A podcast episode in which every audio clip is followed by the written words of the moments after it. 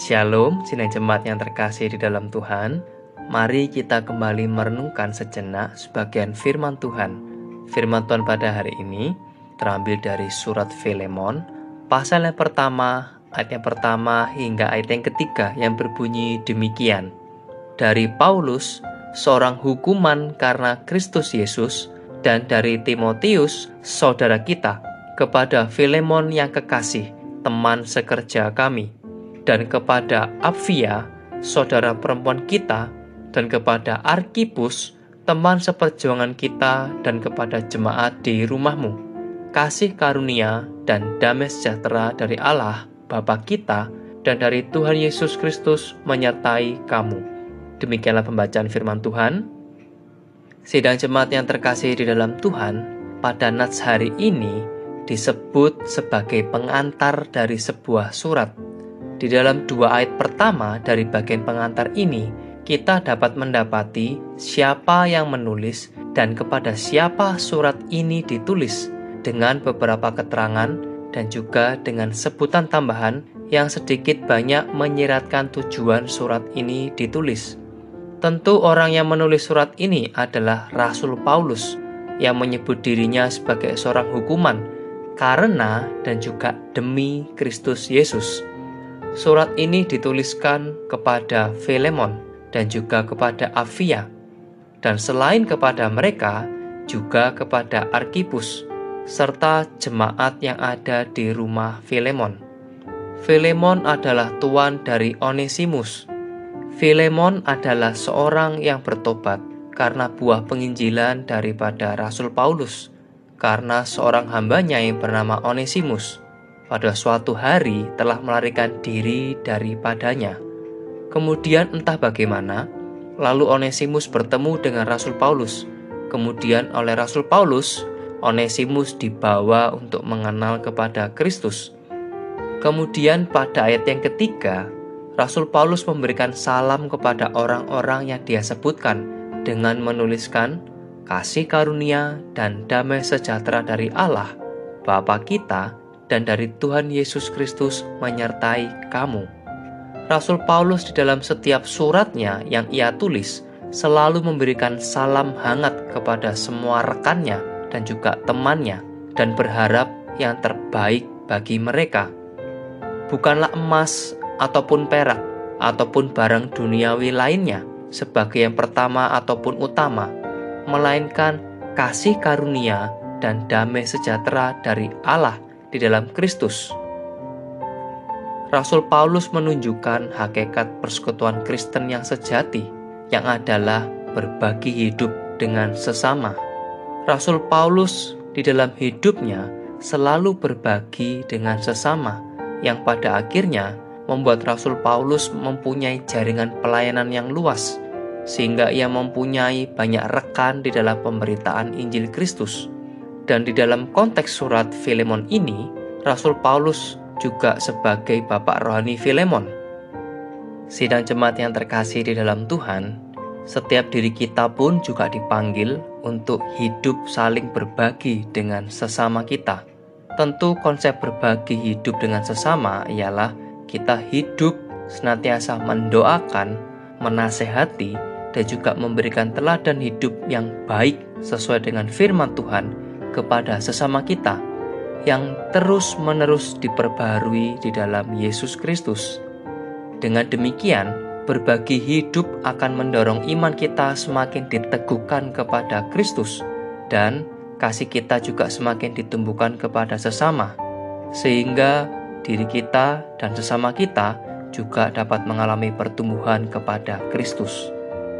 Tentu, melalui perenungan pada hari ini, Tuhan ingin agar setiap diri kita mau berbagi hidup dengan sesama kita tanpa memandang bulu. Tuhan Yesus memberkati. Amin.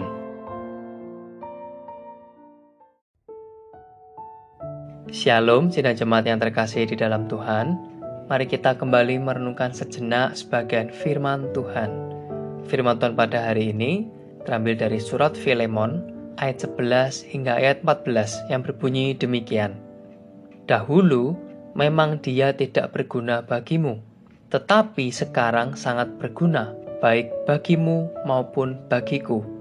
Dia kusuruh kembali kepadamu, dia, yaitu buah hatiku. Sebenarnya aku mau menahan dia di sini sebagai gantimu untuk melayani aku selama aku dipenjarakan karena Injil. Tetapi tanpa persetujuanmu, aku tidak mau berbuat sesuatu supaya yang baik itu jangan engkau lakukan seolah-olah dengan paksa, melainkan dengan sukarela. Demikianlah pembacaan firman Tuhan. Sidang jemaat yang terkasih di dalam Tuhan, nama Filemon di dalam bahasa Yunani berarti penuh dengan kasih. Filemon adalah seorang warga kota Kolose yang disebutkan di dalam perjanjian baru. Dan di kota Kolose ini, Filemon merupakan orang yang sangat terkemuka dan juga memiliki banyak budak. Dan salah satu budak yang bekerja di rumah Filemon adalah Onesimus. Adapun arti nama Onesimus ialah berguna atau berfaedah. Tetapi hubungan antara Filemon dengan Onesimus sempat kurang baik karena Onesimus pergi melarikan diri dari kota Kolose dan membawa harta milik tuannya itu Tentu saja, tindakan Onesimus itu sangat merugikan Filemon sebagai sang tuan. Bukanlah hal yang kebetulan jika di dalam masa pelariannya itu, Onesimus bertemu dengan Rasul Paulus di dalam penjara. Melalui pelayanan Rasul Paulus, akhirnya Onesimus menerima Kristus sebagai Tuhan dan Juru Selamat. Dan kehidupan Onesimus pun mengalami perubahan 180 derajat perjumpaannya dengan Rasul Paulus benar-benar menjadi titik balik dari kehidupan Onesimus. Sejak saat itu, Rasul Paulus menyebut Onesimus sebagai anak pada ayat 10 dan juga pada ayat 12 pada perenungan hari ini, Rasul Paulus menyebut Onesimus sebagai buah hati. Walaupun demikian, Rasul Paulus tidak dengan serta-merta menahan Onesimus untuk kepentingannya sendiri Sebaliknya, ia menyuruh Onesimus untuk kembali pulang kepada Filemon, sang tuannya, yang dikatakan Rasul Paulus melalui tulisannya pada ayat 13 dan 14.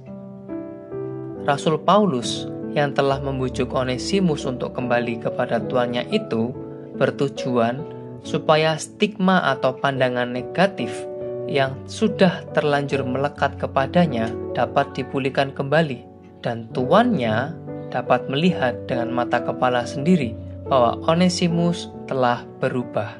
Seperti yang dituliskan oleh Rasul Paulus kepada Filemon pada ayat 11. Dahulu memang dia tidak berguna bagimu, tetapi sekarang sangat berguna baik bagimu maupun bagiku.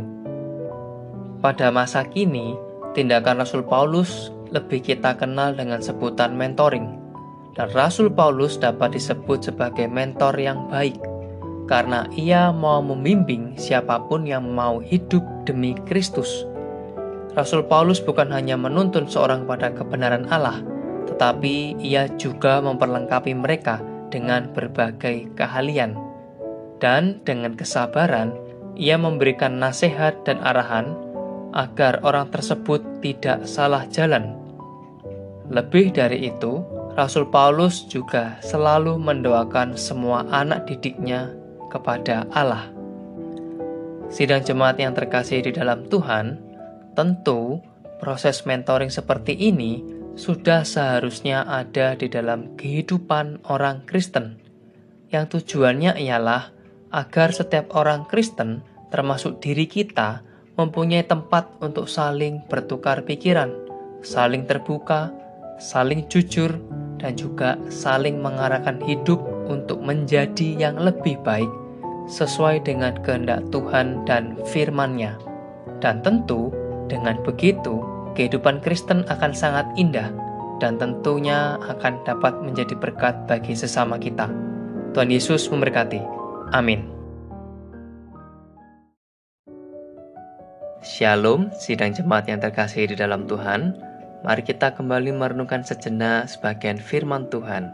Firman Tuhan pada hari ini terambil dari Filemon ayat 20 hingga ayat 25 yang berbunyi demikian.